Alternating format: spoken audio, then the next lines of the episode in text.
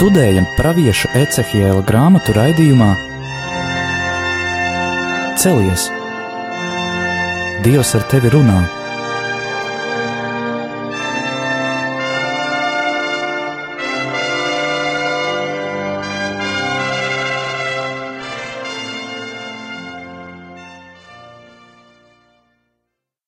Slavēts Jēzus Kristus.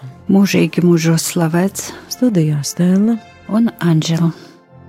Kā esam jau krietnā otrajā pusē Cehila grāmatā, turpināsim to lasīt un saprast pašu galveno, kas tur ir pateikts, jo, ja mēs mēģinātu tieši pa nodaļām, pat fragmentiem, tad mēs šeit tas raidījums lēkam notiktu pat līdz Kristus otrajai atnākšanai, tāpēc mēs mēģināsim kopumā uztvērt, par ko atkal tur ir pateikts, ko Dievs uz mums caur to runā. Iepriekšējā reizē mēs redzējām, kāds pasludinājums ir pret apkārtējām tautām, ap uh, izredzētās tautas zemēm un arī pret Tīru un Sidonu. Un kaut arī tas apraksts ir ļoti liels un izvērsts, sapratām, ka tas attiecas uz jebkuru civilizāciju vai tautu pasaules vēsturē, un arī uz cilvēku, katru cilvēku, jo viņam arī kā individam bieži piemīt tās pašas īpašības un grēki, kas tur ir parādīti caur šo lielo tautu un civilizāciju tēliem. Tātad redzējām, ka tie, kas ir apkārt Jeruzalemē, arī Izrēlim, Jūdijai, ļoti priecājas, kad viņiem nu ir notikusi nelaime, un diemžēl tas notiek arī mūsdienās, un kā ir tā slavenā latviešu pāruna, ai, cik labi, ka kaimiņam govs nomira. Un kas tad bija ar tīru un sidonu? Lepnība, mani sasniegumi, mana greznība, es pats to visu esmu sasniedzis. Arī var teikt tāda mūsdienu civilizācijas sēja, ka tu pats visu sasniedz, pats visu vari, un jo vairāk tev ir, jo tu esi varenāks un it kā neatkarīgāks. Bet caur svētajiem rakstiem sapratām, ka tomēr Dievs ir tas, kurā rokā ir gan šī bagātība, nabadzība, un ka viņš neļauj tomēr smieties par otra nelaimi, neļauj pārkāpt viņa likumu, un dažkārt ļoti skarbā veidā atgādina, ka, lai cik tu esi bagāts un varens, tu esi to visu saņēmis no kāda, tas nav tavs. Kāds ir devis tev spēku un gudrību, to bagātību nopelnīt, iegūt. Kāds ir devis arī to zemi, un līdz ar to nevari smieties un priecāties, ja kādam kaimiņos, kuram arī Dievs ir devis vietu, kur dzīvot, klājas slikti. Minējām arī to vecās derības tekstu, kas jau jaunā derībā tas ir attīstīts daudz tālāk, jo vecā derība norāda palīdzi savam ienaidniekam. Drusciņi arī pieminējām to, ka tur nav tikai tāds ļoti skarbs morāls norādījums, bet dziļāk skatoties, palīdzēt ienaidniekam var izrādīties arī izdevīgi. Kādā brīdī viņš var kļūt mūsu draugs. Bet šodien jau lasīsim, ko Dievs saka Eģiptei un Eģiptes faraonam caur pravieša muti.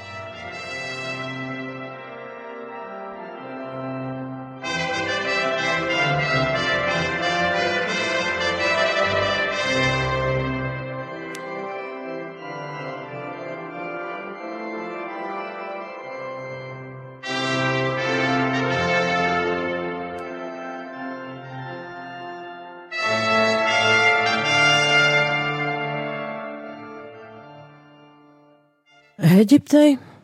Ecehela grāmatā ir veltīts pat vairākas nodaļas, bet mēs tās visas detalizēti nelasīsim, jo tur jau sāk atkārtoties tas sižeta schēma, ja kad ir pasludinājums, kas notiks, varam saprast, kāpēc tas notiks, un redzam, ka Dievs visu laiku atgādina arī caur uzdevumiem pravieti Mecihielam nesmieties, neapsmiet, kam ir notikusi nelaime, jo pravietis 30. nodaļā arī raud par Ēģipti, Tālāk 32. ir pat raudu dziesma par faraonu un Ēģipti, tātad arī par Ēģiptes valdītāju, un bēru dziesma Ēģiptei, un to mēs visu ļoti sīki neapskatīsim, bet varētu likties, nu kā varētu tā bēru dziesma būt šai valstī, jo valsts šodien pastāv.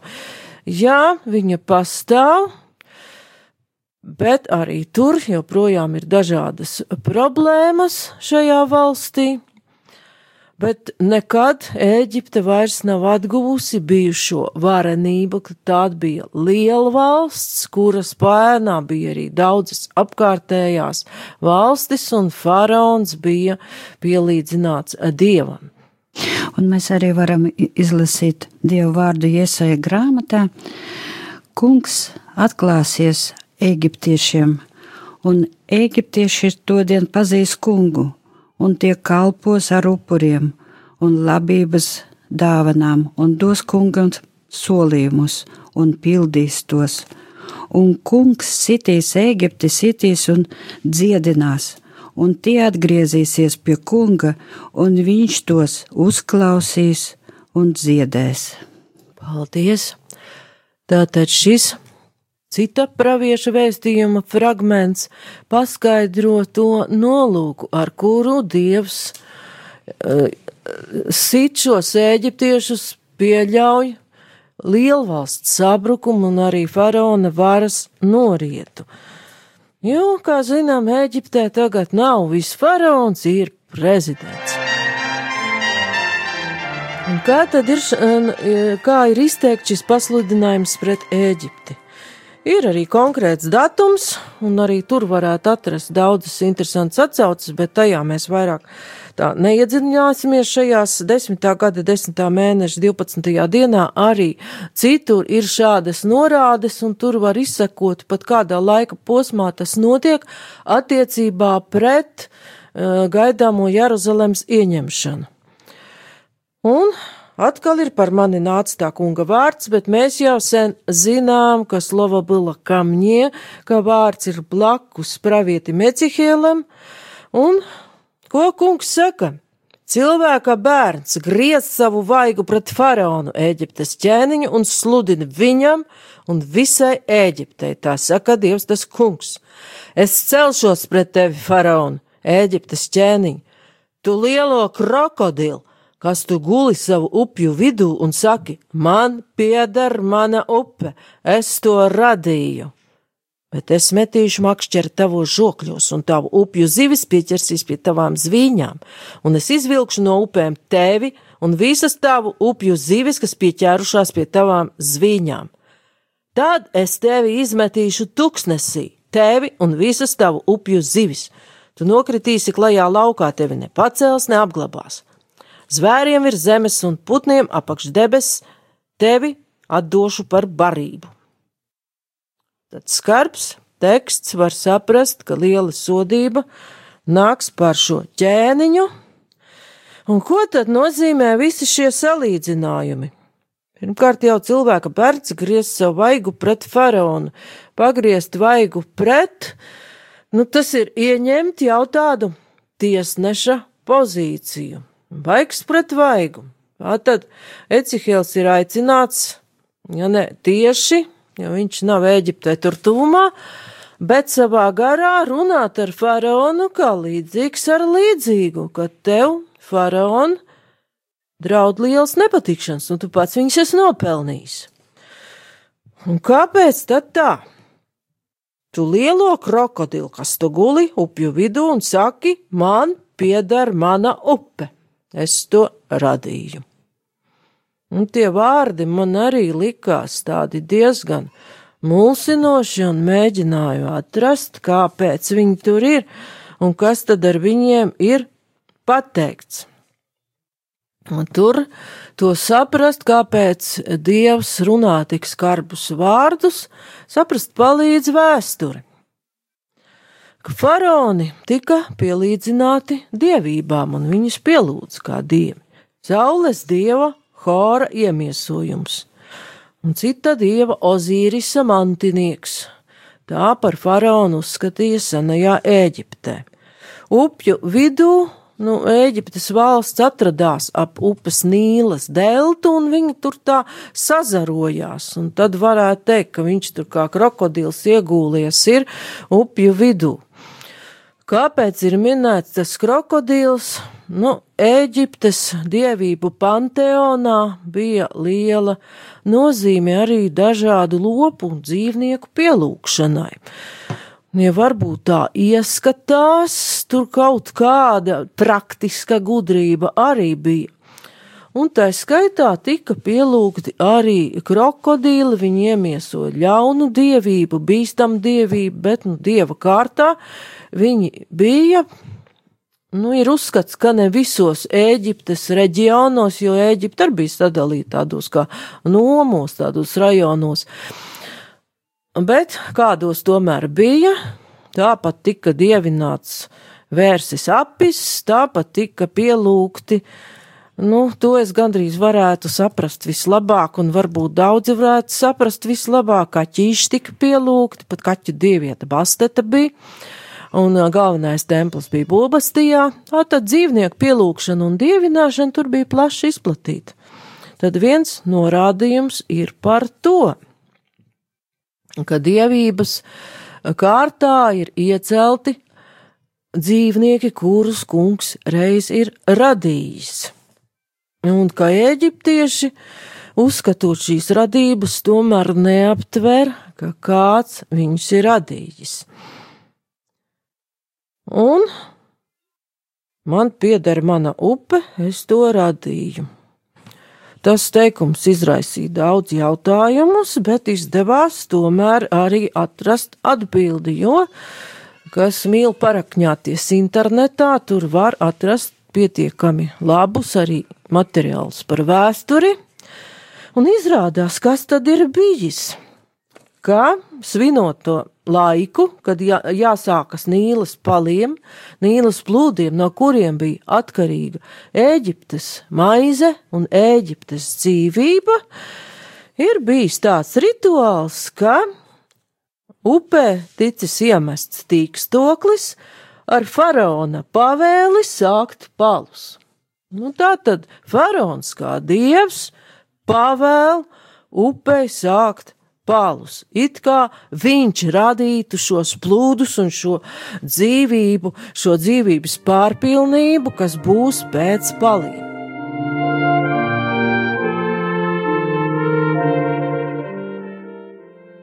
Tālāk jau, kas tās upju zivis, mums tās zivis it kā jau uh, asociējas pat ar jauno derību, ka tur ir lielā zivju zvēja, bet tur tiek eh, zvejotas dvēseles kungam, bet pa šīm zivīm tīklām mēs pat varētu skatīties lielākā mērogā, kā tiek iegūtas ar uh, misionāru palīdzību un viņu spēkiem tautas dievam. Un šeit tās upju zivis pie zvīņām. Arī ir tās tautas, kas ir apkārt un dzīvo faraona pakļautībā, un savā ziņā faraons ir par viņām atbildīgs, ir iedevis kaut kādu kārtību, kaut kādu mieru, nu, kaut kāds labums arī no tā visa. Bet Dievs pasaka, nē, faraon, tā kā tu pats esi iesēdies Dieva vietā, tu no tās vietas tiksi izmests. Un tālāk jau ir tas, par ko Anģela izlasīja citā vecās derības grāmatā, un visi Eģiptes iedzīvotāji atzīs, ka es esmu tas kungs, jo tu un viņi bijuši Izrēlam tikai nedroša atspaida nūja. Kad Izraēla nama piederīgie tev satvēra rokā, tu aizlūdzi un ievainoji viņiem visu roku un dilbu. Kad viņi mēģināja atbalstīties uz tevi, tu pārlūdzi un liki pat sagrīļoties viņu gurniem. Šis pants norāda uz Izrēliešu savienību ar Ēģipti, ka viņi ļoti paļāvās uz Ēģiptes militāro spēku, kas nebūtu nebija tik stiprs, un tad teikt, eģiptieši viņiem nekādi drošības garantijas devēji un palīdzētāji tomēr nebija.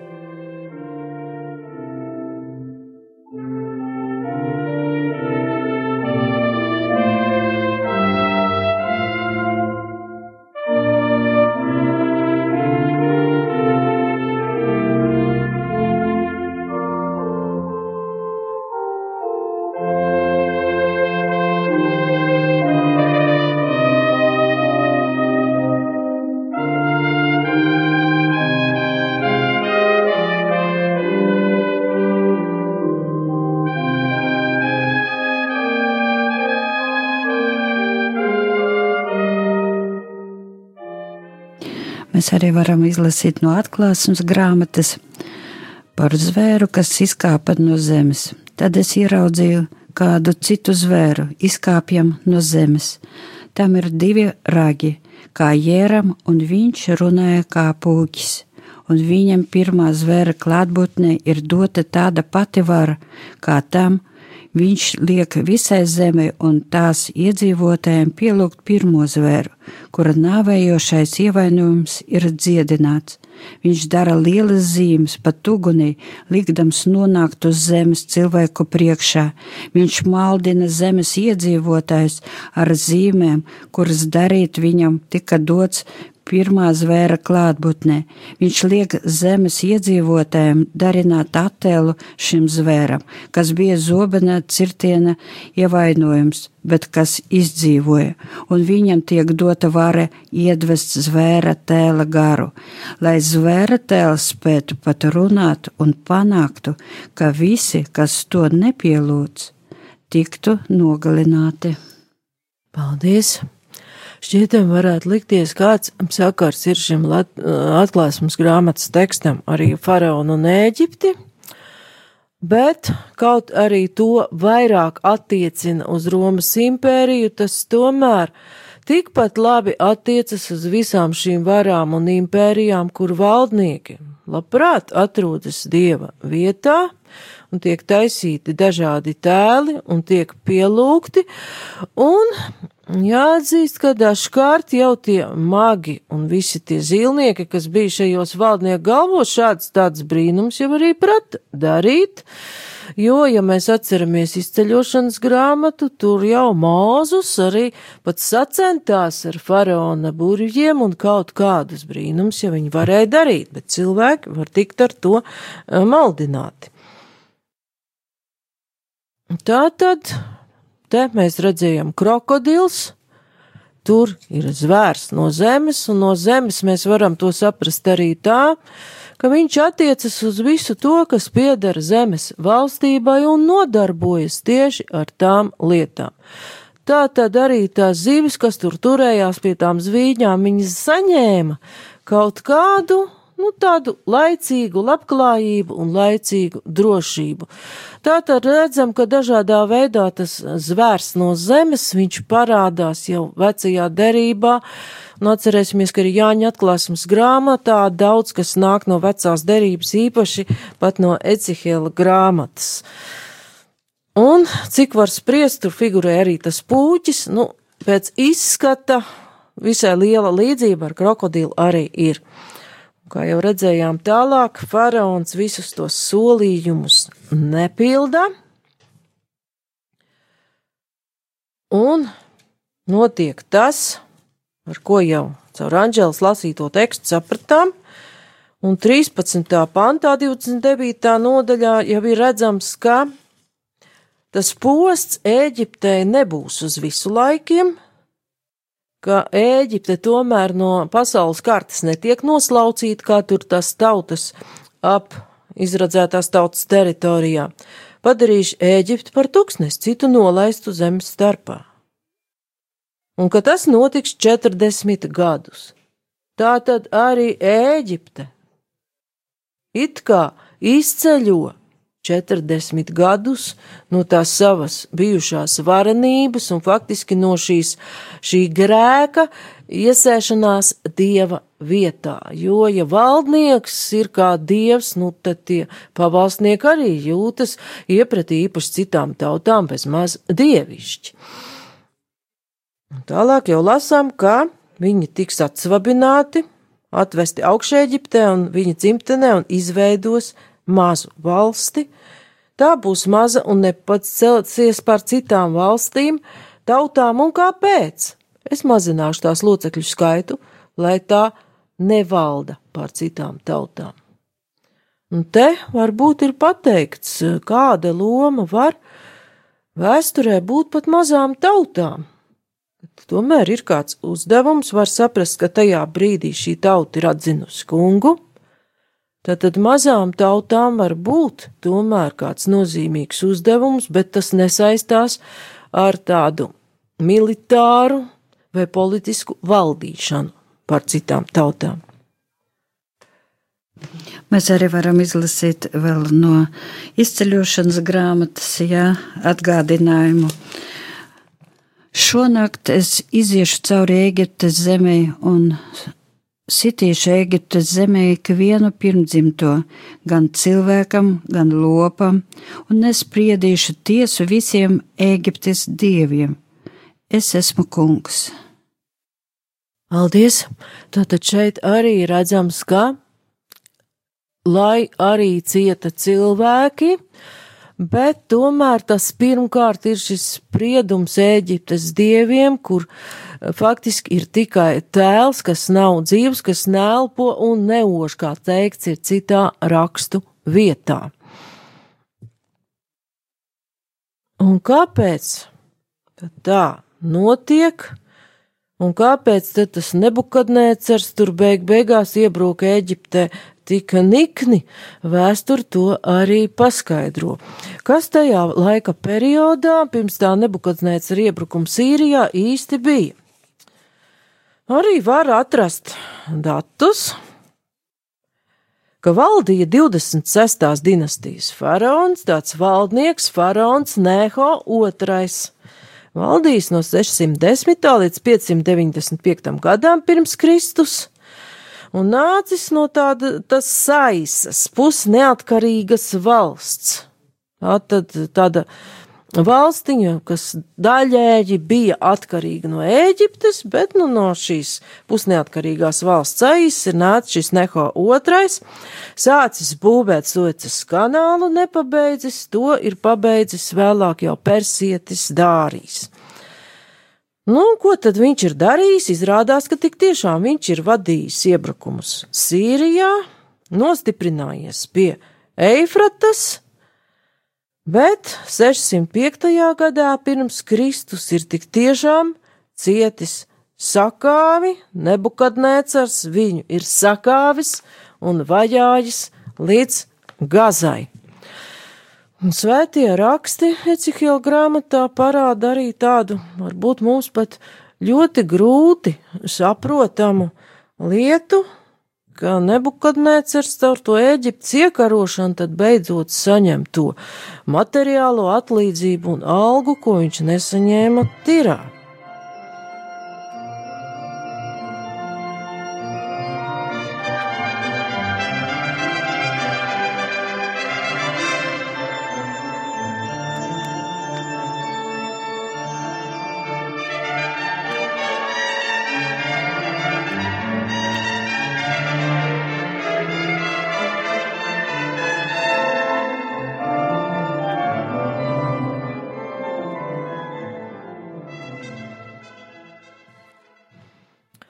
Izrādījās, ka tiru gan Nebukadnecers iekaroja, bet nekāds prātīgs laupījums viņam tur nebija ticis, jo tīras iedzīvotāji bija iznīcinājuši, ko nu varējuši un ko varējuši to aizveduši vai pat, nu, ar kuģiem izveduši jūrā un nogremdējuši. Tātad Nebukadnecers un viņa armija palika, var teikt, bez algas un 29. nodaļas.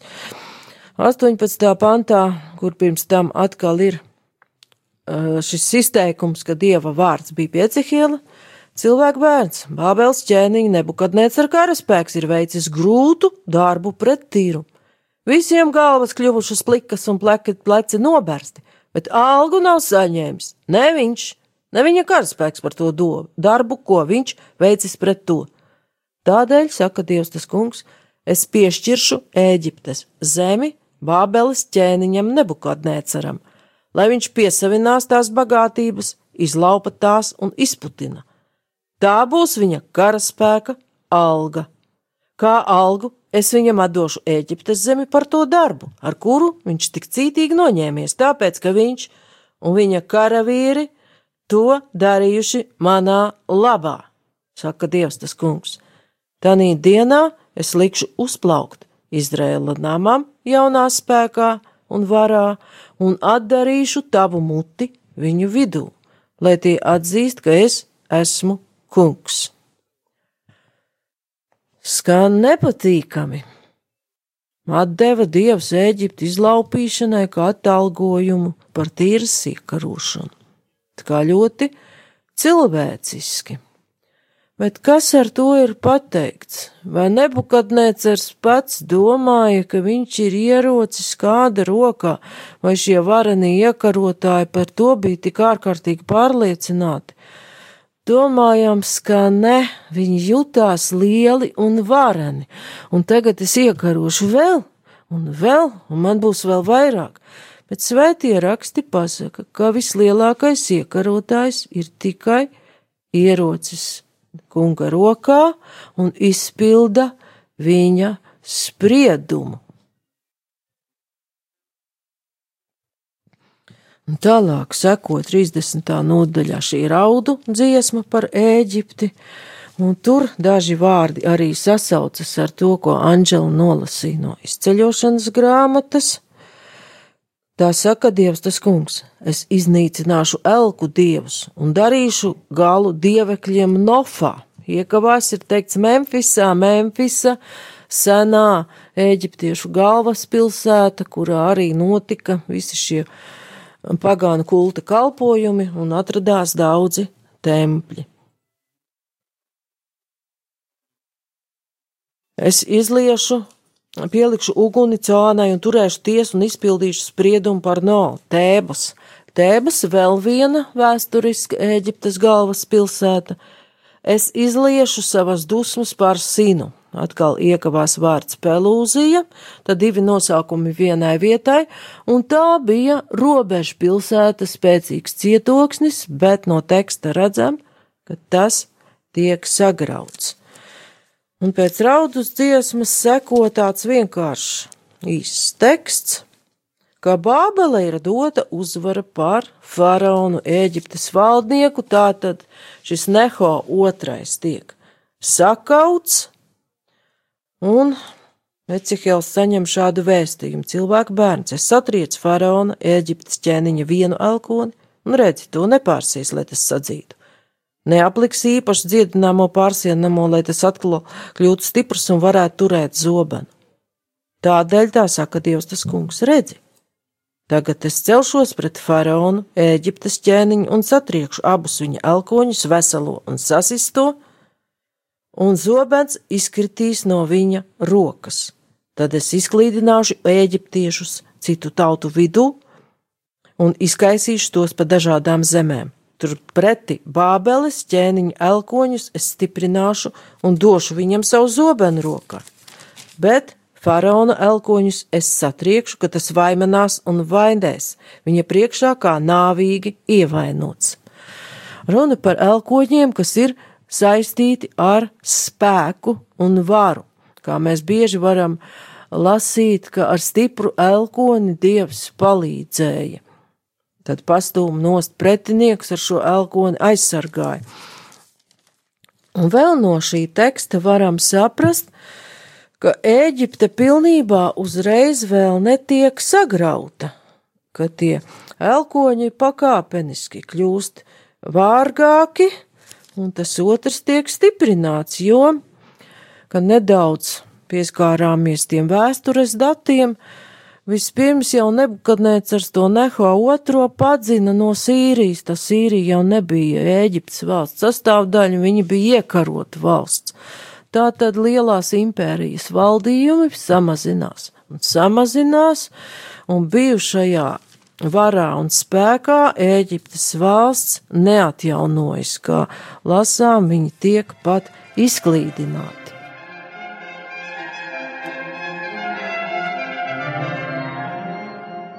Taču kas notiek tālāk, un kādi vēl ir brīdinājuma vārdi, un kā tieši uz faraonu? Dievs grib runāt, mēs lasīsim jau nākamajā reizē, 31. nodaļā, un tad varbūt izdosies jau pievērsties nedaudz arī pravieša uzdevumam, kas tāpat attiecas arī uz mums, būt otram risavai tautai par sargu atgādinot to, ko Dievs ir runājis uz mums un turpina runāt caur rakstiem, caur līdzcilvēkiem, caur dažādiem notikumiem. Paldies par uzmanību! Studijā bija Stela un Anģela.